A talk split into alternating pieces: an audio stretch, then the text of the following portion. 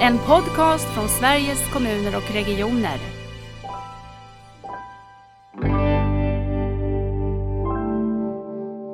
Därför att personcentrering är inget betyg eller epitet man kan ge sig själv. Så det är många sådana här organisatoriska hinder som jag stöter mig på och som jag menar det måste man ta bort. Jag har under de senaste åren haft förmånen att regelbundet träffa dagens gäst, Hans-Inge Persson, som är med i vårt ledarprogram för nära vård eh, som vi har på SKR. Men jag har också träffat honom i andra sammanhang. Hans-Inge han är en stark företrädare för personcentrering och hur vi kan utveckla en personcentrerad vård. Och det är det vi ska ta oss an idag. Så välkommen Hans-Inge! Tack så mycket! Du har ju varit med i podden förut så att du är ju en, ja, en van gäst, men vi vill, än, vi vill ändå höra lite grann om vem du är. Berätta! Eh, min bakgrund eh, Alltså jag har under min yrkesverksamma tid arbetat 14 år som eh, kommunal förvaltningschef och 8 år som generaldirektör. Och sen har jag ju fortsatt egentligen med att arbeta med ledarskap genom att jag har suttit i eh, sjukhusdirektörens ledningsgrupp för Borås sjukdom, sjukhus, SÄS. Och även när jag arbetar med, med er i SKR i ledarskapsprogrammet för andra vård så är det ju svårt form att arbeta med ledarskap. Det som är intressant kan jag själv tycka nu, det är ju att jag, jag håller på att göra klart en onlinekurs. Och då kan man fråga sig, när har jag då erfarenhet av det? Mm. Och då är det så att den myndigheten jag blev satt att leda mellan 2020 och 2008 fick i uppdrag att se till att man även i Sverige kunde få lov att studera online på universitet och högskolor och på komvux. Så jag jobbade, vi fick två mandatperioder på mig, så jag jobbade åtta år med det. Wow! Och får väl skryta med att 2005 fick myndigheten europeiska IRM-priset. Men... Det var en liten parentes. Ja, det var inte så liten parentes och det var något jag inte visste. Mm. För det här måste ju varit väldigt ovanligt och nytt under den tidsperioden? Eller? Ja, eh, alltså universitet och högskolor vill ju, var ju klart direkta motstånd. De ville ju ha sina studenter på um, plats. Uh, så att det var därför man uh, tillsatte den här myndigheten för att stimulera och utveckla program, uh, plattformar. Hur examinerar vi på nätet och så vidare. och även hur man studerar på distans faktiskt jobbade vi med. Tillsammans med studenter? Så det är ju plötsligt så tycker jag att jag... Ja, ja just det. Jag, jag tänker att det, det, får vi väl också säga, jag kan väl berätta det till lyssnarna att eh, Eh, vi hade startat vårt ledarskapsprogram redan innan pandemin kom och vi hade många tankar på ska vi lägga ner och vänta in pandemin? Man visste ju inte hur lång den skulle bli. Men bestämde oss för att eh, nej, men vi testar att köra det helt digitalt och fick ju direkt tusen anmälda deltagare. Så det har ju varit ett lyckokast att också göra det. Det är digitalt, även om det är i en annan form än vad jag tänker. Eller hur tänker du att eh, det du nu jobbar med, med digital utbildning framåt för personcentrering, det är ju heller inte att man kan kommunicera med sin, mm. sin deltagare i kursen.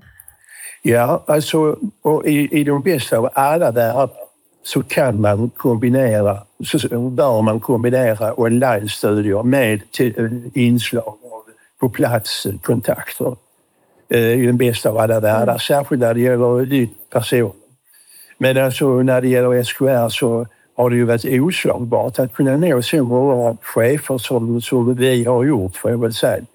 Eh, det mm. hade vi ju inte klarat om alla skulle vara online eller på plats. Så att eh, det, det har varit väldigt bra. Jag har upplevt det väldigt positivt. Jag har träffat fantastiska chefer. Mm. Villiga till utveckling, och intresserade. Mm. Ja, det måste jag säga också, det visar ju verkligen på vilket engagemang det finns för frågan. If. Jag tänker berätta lite mer, för, för med den bakgrunden du har och det är skolan och det är utbildning. Eh, Men hur har det kommit sig att det blivit så starkt just personcentreringen för dig? Du berättade ju om det lite i förra podden, men gör det igen. Mm. Alltså, eh, jag hade ju innan jag gick i pension överhuvudtaget haft någon slags kontakt med vården. jag hade knappt varit sjuk själv ens. Men så blev min, min fru allvarligt sjuk och inne på sjukhus i tre månader där hon låg fram till sin död. Och eftersom jag så att jag var pensionerad så kunde jag vara hos henne dagligen. Och eh, upptäckte väldigt kvickt att jag tyckte att organisationen, ledningen och styrningen var lite märklig. Eh, och jag upptäckte också något som jag tyckte var rätt så förfärligt, nämligen att den passionerade, välvilliga personalen sprang det fortaste de kunde, underbemannade och ville inget hellre än att göra rätt. Men ändå blev det fel. Och jag tänkte att det måste ju vara förfärligt att, att, att befinna sig i en sådan arbetsmiljö. Så det var det ena skälet till att jag bestämde mig för att engagera mig. Engagera mig. Och det andra skälet var det en del att eh, ingen skulle behöva ha det som Kristina hade haft det. Och under hennes sjukperiod så dokumenterade jag det som hände. Jag gjorde det egentligen för att hon skulle få det sedan hon blev frisk. Men så blev hon inte det. Sen den dagboken blev min första bok till din roman. Och då var det så att eh, GPCC fångade upp mig ganska kvickt och knöt mig till sig. Och jag är knutet till fortfarande. Förutom att, så att säga, veta om det så var det precis det som kallas personcentrerad vård nog efterfrågade. Mm. Men, Kan du ge, vi kan inte prata om hela er, er både sorgliga och eh, viktiga historia, men om du skulle säga några saker som du tyckte var de största bristerna du såg när du, nu, du och Kristina nej. fick era vårdupplevelser? Mm. Alltså den största bristen det var att man på det sjukhuset, var ett stort sjukhus, Kristina låg på ett universitetssjukhus, hade man ju en industriell organisation eh, som eh, byggde ungefär på det industrins löpande band. Man kallade det för produktion. Och ehm, i den produktionen, i den organisationen var all personal funktioner utbytbara mot varandra och utbytbara mot någon annan samma funktion. Och patienterna var eh, produktionsobjekt. Utbytbara mot varandra så länge man hade samma eh, sjukdom och behov. Och, eh, det tyckte jag var förfärligt därför att det gjorde människorna, både de anställda och de sjuka, ansiktslösa. Och när en sjuk person upptäcker att man är ansiktslös så gör man en förfärlig erfarenhet som inte bidrar till en förbättring. En av chefläkarna på just det här sjukhuset skrev för ett halvår sedan i en debattartikel att med den organisationen blir alla, både patienter och personal, utbytbara mot vem som helst, när som helst och var som helst. Och den, den anonymiteten tycker jag är förfärlig. Det är inhuman. Ja, du berättar ju väldigt starkt och du har ju också din berättelse som en, en kraft i vårt ledarskapsprogram. Ja, ja. Och jag tror att det där också är, eller jag är helt övertygad om att det är så viktigt att eh, vi också i vårt arbete med att ställa om hälso och sjukvården inte gör det avhumaniserat Ja. utan tar in människorna. För vi människor agerar ju och vill ju göra det som är gott för andra människor. Då måste vi också använda Mm. berättandet som du gör väldigt Mm. starkt. Och jag vet Det- ingen människa inom vården som jag har träffat som inte vill precis det och gör sitt bästa. Men, men, Precis. men eh, alltså det jag skulle vilja säga kan vara en nyckelpunkt. Det är det jag kallar för kunskapsväxling mellan personalen och patienten. Och det uppstår genom att man lyssnar på varandra och frågar varandra så att man får en gemensam erfarenhetskunskap. Alltså vården har sin teoretiska djupa akademiska kunskap. Mm. Men till den bör man lägga den ytliga erfarenhetskunskapen som man kan hämta hos patienten. Och det, det jag menar att, att det är så oändligt viktigt för det uppstår en förståelse för varandra. Vi får en gemensam verklighetsbild. Och om man inte har en gemensam verklighetsbild så blir det svårt att lyckas med ett förändringsarbete där man inte vet, man har olika uppfattningar om var i verkligheten man befinner sig. Så att jag tror att mm. då vet vi någonting tillsammans. Och bara det är av värde. Jag tänker du har en passage i, i din berättelse, din och Kristinas berättelse som jag alltid tycker är så, ja både fruktansvärd men eh, så talande. Och eh, det är ett möte du har med en av, eh, eller ni har med, nej det är du som har det med en av, av läkarna som eh, har hand om Kristina som säger någonting om att eh, ja, men det har ju inte skett några större förändringar under Kristinas tid hos oss. Kan inte du bara berätta den sekvensen? Du vet säkert vilken jag menar. Och då svarar du att det är ingen större förändring och vad du då Ja, men... Hur du reflekterar kring det? Ja, alltså, Kristina blev ju väldigt kvickt förlamad. Och till slut totalförlamad. Kunde bara röra höger hand. Och eh, eh, det var ingen som upptäckte det tydligen. Mer än jag och de allra närmsta som vårdade henne. Men det, det stod ju aldrig någonting i journalen. Och eftersom det kom en ny doktor varje dag så kände de inte till detta. Nu skulle då Kristina flytta från en klinik till en annan. Från att bli eh, utredd till, till, till vård. Och då skriver överläkaren på den klinik där han legat i två månader en remiss som avslutar med orden Ingen påtaglig förändring inträffade här på kliniken.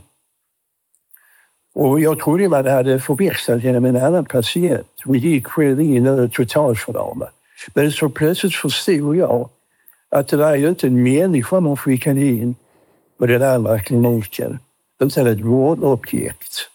Mm. Så alltså värdet på de kroppsligt mätbara funktionerna inte hade genomgått en påtaglig förändring.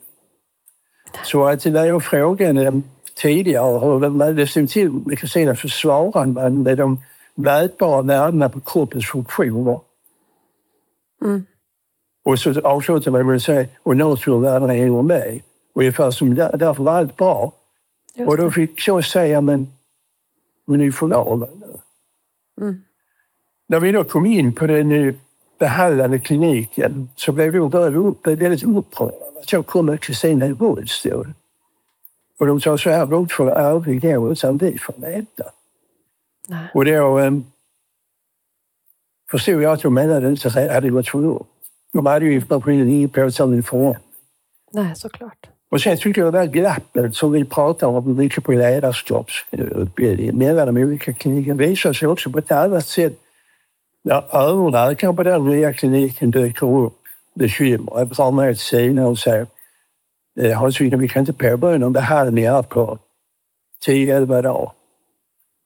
För det finns medicin som du kommer ihåg, det heter metotraxat som mm. man har gett henne på den andra kliniken som måste gå ur kroppen på henne innan vi kan börja mm. behandla henne. Annars interagerar den negativt.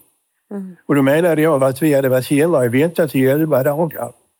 För att man hade på den nya kliniken ändå haft elva dagar på att kolla hennes läkemedelslista.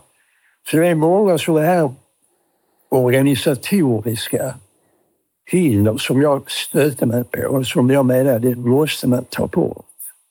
Du har ju varit mycket i skolans värld. Har du sett något liknande? Jag tänker att vi har ju haft ändå en, en våg av vad säga, industrialismens eh, sätt att bygga verksamheter som i alla fall hälso och sjukvården har präglats av och New Public Management som ett Nej. system att, att följa sin verksamhet. Har det aldrig nått in i skolan eller har du sett samma tendenser?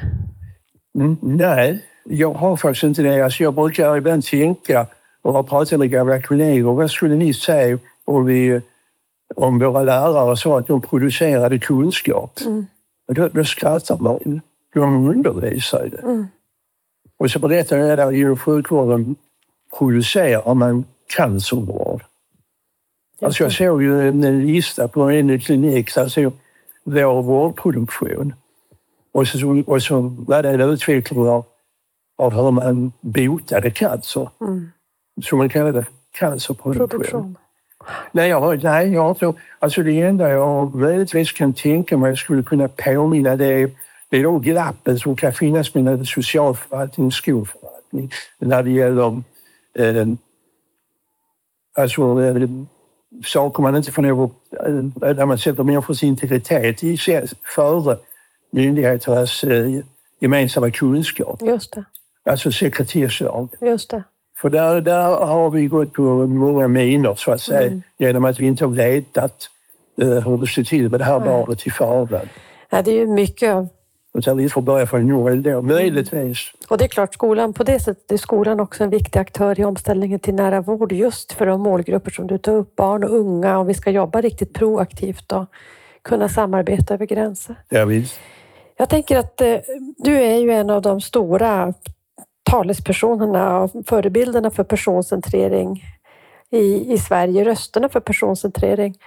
När du möter någon på gatan eller du sitter där på middagen med dina eh, vänner och de frågar vad du gör och du ska säga något om personcentrering. Så de, vad, vad är det för någonting? Hur, hur förklarar du det? Då? Eh, alltså, om jag, om jag får svara på din, just din fråga som gällde en, en person som inte arbetar inom vården. Nej. så brukar jag säga så här, jag kan berätta en liknelse så du förstår vad jag menar. Jag passade mitt barn, var fyra år, vid Gullbrunn och han lekte med de andra barnen. Plötsligt föll han och skrubbade knät, blev jätteledsen och rusade bort till mig. Jag tog upp honom i knät, sa inte så mycket, la armen över honom och så sa jag, det, det där är inte så farligt, det, det blir bättre. Och så torkade jag av den där minimala blodsdroppen och så pekade jag på knät och sa nu blir det bättre. Och så tittade han lite kritiskt på mig och jag bara nickade. Och efter en minut klev han ur mitt och sprang bort till mina barn och fortsatte att leka. Och då kan man säga, och så, så berättade jag, vad visar det? Det visar personcentrering. Det vill säga, när mitt barnbarn behövde vård så fanns det väldigt nära till hands. Den som tog hand om honom var farfar. Inte någon, som, någon farfar vem som helst. Hans egen farfar. Som han tänkte hade hjälpt mig för farfar. Jag min denna gång också. Och så tog jag bort den lilla blodsdroppen och det räckte. Och så grejade han över mitt knä och sprang bort till de andra barnen och fortsatte att leka. Alltså vården fanns till hands, det fanns en kontinuitet, det fanns en tillit. Och det skapar trygghet. Och då var halva Tackar. Ja, precis. Ja. precis. Så det jag brukar göra, jag brukar göra så. Det kan tyckas lite barnsligt, men alla förstår det vad jag menar. Mm. Alltså jag är orolig att alltså när jag kommer ut till eh, eh, kliniker eller till, till eh, omsorgsförvaltningar så inte sällan så händer det när de möter mig så säger de vad kul att du ville komma. Alltså vi jobbar ju redan personcentrerat här, men trevligt. Och då brukar jag tänka, hur vet du det? Just det. Jag säger inte, jag säger att vad, vad trevligt. Men hur vet du det? Därför att personcentrering är inget betyg eller epitet man kan ge sig själv. Det ska förtjänas och delas ut av patienten som har tolkningsföreträde. Vad säger de när du går därifrån då? Säger de samma sak? Eller har de fått en förståelse? Jag, jag tror de har aldrig fört det på tal att hon redan har personen. Det har de inte gjort. Men alltså, för mig är det oerhört. Jag vill inte skriva någon på näsan att jag, är, jag kan något som inte du kan. Absolut inte. Jag vill inte vara någon rättshaverist. Utan jag vill eh, förklara för personalen att hur man skulle kunna arbeta för att det skulle bli ännu bättre. Mm. För man vet ju att med personcentrerad vård blir arbetsmiljön bättre. Mm. Och jag brukar säga att det viktigaste med personcentrerad vård, det är att man har ett dubbelseende. Det vill säga på patienten. Just det. Det vill säga att man inte bara ser patienten som ett vårdobjekt eller en sjukdom eller en diagnos som ett behov, utan som en livslevande människa. Mm. Alltså bara den börjar en god inträdesbiljett till personcentrerad vård. För tänk när man ser den här dubbelheten, Eh. vad det ändå gör med, med relationsförhållandet. Hur man helt plötsligt eh, eh, ser andra, man ser förmågor, man, man får ett annat språk. Tänker jag. Det händer mycket med oss hur vi relaterar till varann Precis. med den bilden framför sig. Precis. Alltså det, du har så rätt, alltså orden är viktigare än vi tror. Mm. Alltså jag brukar också säga, tänk på, det finns inga besvärliga patienter. Det finns bara patienter som har det besvärligt. Just det. Och därmed ställer man ju om hela hjärnan så att säga vid ingången till det samtalet. Mm. Att man ska tala med en patient som har det besvärligt. Jag tänker också på det här, du har ju såna lång erfarenhet av att vara, vara ledare och nu stå, står vi här mitt i ett system som behöver göra så stor omställning och eh, jobba personcentrerat. Vad tänker du är ledarskapets främsta roll i den här omställningen? Mm. Alltså, det som förvånar mig lite grann, måste jag lov att säga, det är hur lite man när det gäller organisation, ledarskap och eh, styrning tittar på forskning. Det finns ju hur mycket forskning som helst om Mm.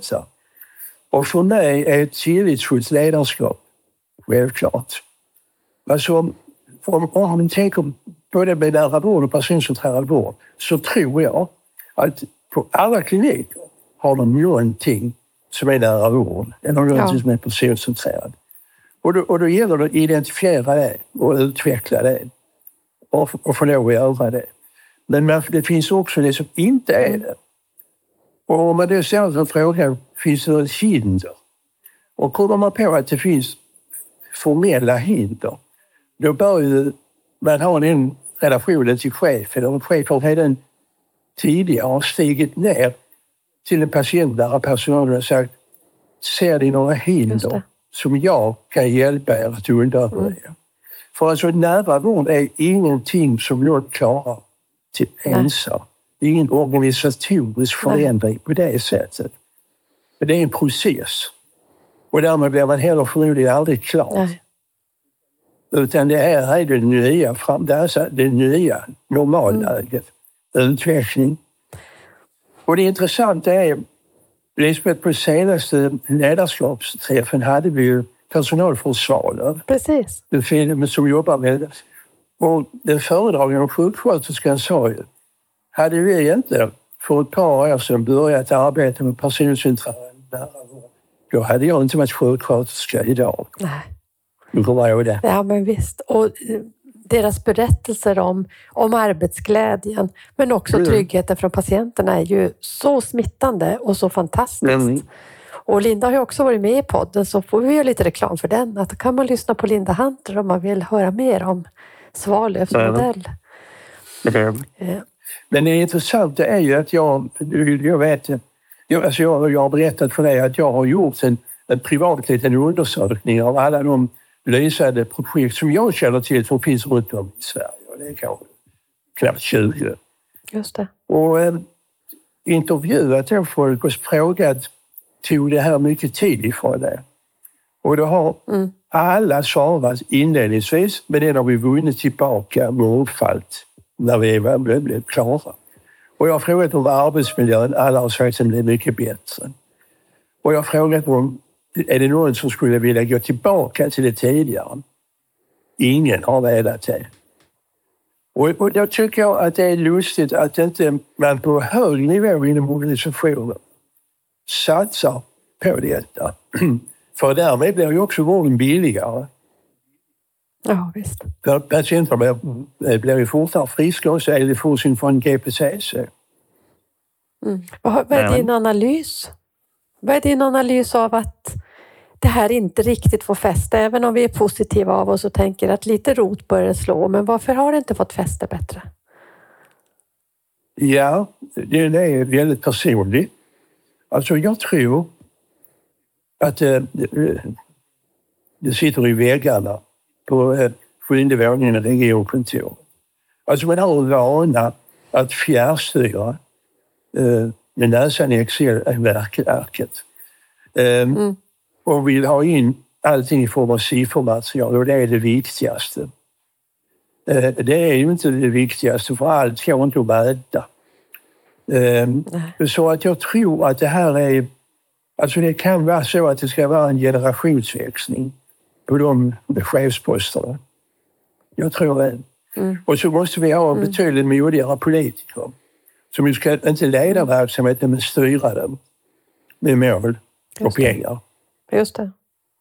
Ja.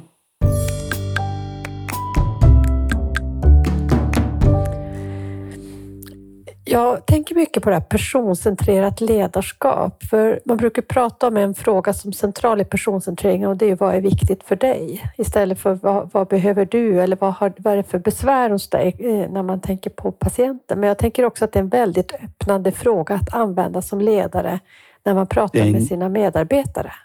Vad är viktigt för dig? För man Mm. identifierar ju människan och man får också reflektera själv. Vad är verkligen viktigt för mig? Va? Och då kommer vi fram till det här som är kärnan i de här professionerna. Precis som du säger, att man var så glad på Svalöv därför att nu vill man vara kvar i verksamheten för nu spelar det roll, nu ger det mening. Och jag tror den där Mm. frågan den är både viktig för ledare och det här personcentrerade ledarskapet. Jag tror också att det är en bra fråga att ställa sig själv. Vad är viktigt för mig? Absolut. Absolut. Eh, Och då både i sin roll som chef och ledare och i sin roll som kanske läkare eller eh, psykolog eller vad man har för profession. Ja, alltså, absolut. Och tillitsdelegationen har ju kommit med en rapport där man säger att leder du bara med, med, med budgeten och besparingar, då kommer du skörda sämre arbetsmiljö och därmed slutar folk och så kostar det rehabilitering och därmed också sämre ekonomi. Därmed om du, om du leder på ett tillitsfullt sätt så förlöser kreativiteten. För det, det är ju på, på, alltså på det patientnära planet. Och vi ska ju komma ihåg en sak, att de, den överväldigande majoriteten av de som jobbar patientnära är ju av staten legitimerad personal, högutbildade människor. Och Absolut. lämnar du friutrymme till dem så blir de kreativa. Och, och den kreativiteten kommer också att visa sig i balansräkningen. Och det där måste man ju tro på och vara övertygad om. Och det är väl det som är modet, tänker jag också. Att inte börja med balansräkningen. Börja med rätt frågor och med rätt på något sätt drivkraft. Så kommer balansräkningen på ett positivt sätt. ja, jag är helt övertygad. Och, vad, och vilka är det eh, viktigaste, eller de frågor du får oftast? En var ju det här att ja, vad trevligt att du är här, men vi, jobb, vi jobbar ju redan personcentrerat. Jo, Men finns det andra frågor som du tycker att personcentreringen eller du möter när du ska prata om det här? jag vet inte, men jag, jag, får, jag, får, jag har fått en väldigt eh, lustig fråga, som är en märklig fråga, som jag ändå tycker är, är relevant att ta upp. Alltså, jag hade en föreläsning på ett rätt stort sjukhus och längst fram satt en läkare och tittade med väldigt kritiska ögon på mig under hela föreläsningen. Och så kommer han fram till mig och så säger han jag är en nörd. Han använder det uttrycket. Jag, jag är bäst i Sverige och det jag gör.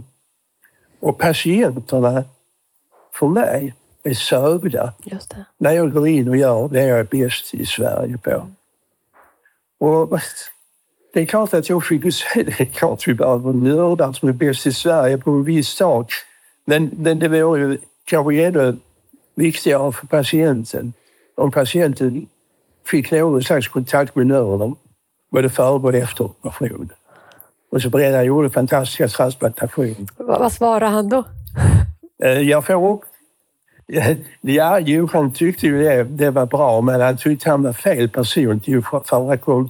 Jag ville inte gå för på djupet. Nej.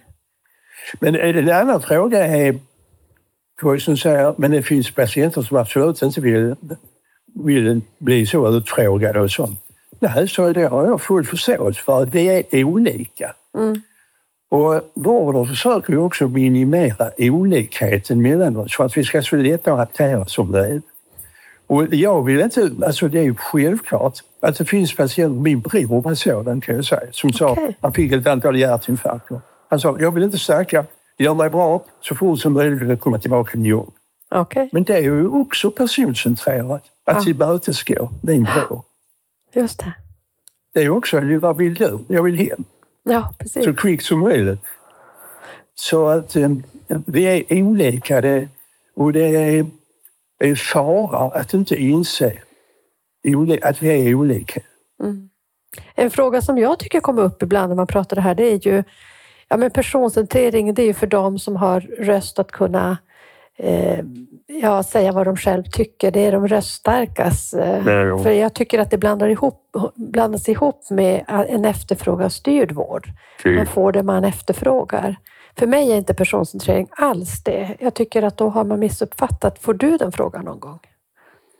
Ja, alltså sä- säger man så har man ju missförstått eh, Mm. själva grejen så att säga. Men det är klart att man, man får ha förståelse för att i en sån jättestor yrkesgrupp, eller yrkesgrupper som man är inom sjukvården, så är de ju också olika. Och det kan finnas de som är väldigt rädda för förändring och då försöker hitta argument för att få lov att jobba som man alltid har gjort. Även om man vantrivs. Så, sådana människor finns ju också. Och får man väl respektera. För jag tänker mycket när man får den frågan att, och jag vet att GPCC också i, i kontakter jag har haft med dem eh, beskriver att det är kanske de vi tror har minst resurser och minst förmågor som vi kanske då också behandlar som att man inte har det. Man har en kognitiv nedsättning. Vi tänker att eh, det är inte så eh, eh, kanske stor vits att vi ställer de frågorna. Där får vi också störst effekter därför att det finns ju också så mycket drivkraft och förmågor kvar hos, hos alla människor om man öppnar upp för det på, det, på ett sätt som är lämpat för just den personen såklart. Och så jag associerar det dels Lisbeth till ett väldigt intressant uppdrag jag har. Eh, eh, När det gäller ST-läkarna inom regioner. Där, där är en kurs eh, som heter kommunikation. Eh, Det är ett heldagspass där vi parar ihop vi ger en diagnos till en, en doktor. Du är kvinna med bröstcancer, du är 28 år. Just det. Och så får, får hon även rollen av läkare som ska berätta det för den sjuka patienten inför oss alla andra. Två minuters förberedelse. Och så, jag tycker det är så fantastiskt att vi har den öppenheten. Att, vi sen, att de sen vågar diskutera detta. Och det har pågått, jag tror jag har hållit på med detta i, ja det måste vara i tre år. Och det, och det är en, det är en, en frivillig kurs en, som man får välja. Vad heter, är det personcentrering den handlar om? Eller? eller? Ja, Nej, är det sant? vi, vi, de vågade inte sätta det namnet på. Nej. Så de så, så de sa, ja, kan vi inte kalla det för kommunikation med patienten? Ja, just det. Så, ja, Och det okej. intressanta är att om man skulle titta på anmälda till kursen år för år så är det en väldigt brant stigande kurva. Jag är jätteglad för det. Åh, fantastiskt. Vad roligt. Senast nu var det till och med... Förlåt? Det inte jag hört förut. Det var roligt att höra. Ja, det är också alltså ett senast tecken. nu var det till och med eh, läkare från vårdcentralen i den aktuella staden. Mm. För, alltså, som hade frågat om man fick lov att vara med vad det hört talas om. Verkligen viktigt. Så roligt. Mm. Du, Nu, och du tänker så här att eh, vi måste göra allt vi bara kan för att öka personcentreringen. Och du börjar med att säga att du brinner också för utbildningsmodeller eh, eller utbildning. Hur tänker du kring utbildning och vad som kan göras för eh, att öka personcentreringen? Mm. Jag har ju deltagit i, i, i SKRs ledarskapsprogram ett antal år Mm. och träffat fantastiska chefer. Och så har jag tänkt, hur går det när de kommer ensamma på hemmaplan med, fyllda med ambitioner och så. Och så har vi då Myndigheten för vård och omsorgsanalys sagt eh, att det går ungefär sådär. Just det. Och, och då har jag tänkt, eh, utan, ja det är väl nästan med storhetsvansinne, kan jag göra någonting åt det? Och så har jag tänkt att jag skulle vilja göra någonting som gjorde den patienten person. Och det enda jag kunde komma på då, det var eh, mitt gamla yrke, jag att säga. Med onlinekurser Mm. där man kan nå alla smidigt och enkelt. Mm. Och så fick det ju bli billigt. Mm. Alltså så, jag vet ju att en person det finns inte några miljoner i, i kompetensutvecklingspengar. Så det, det, var, det gjorde att jag för ett år sedan satte igång det här arbetet som nu är klart. Just det.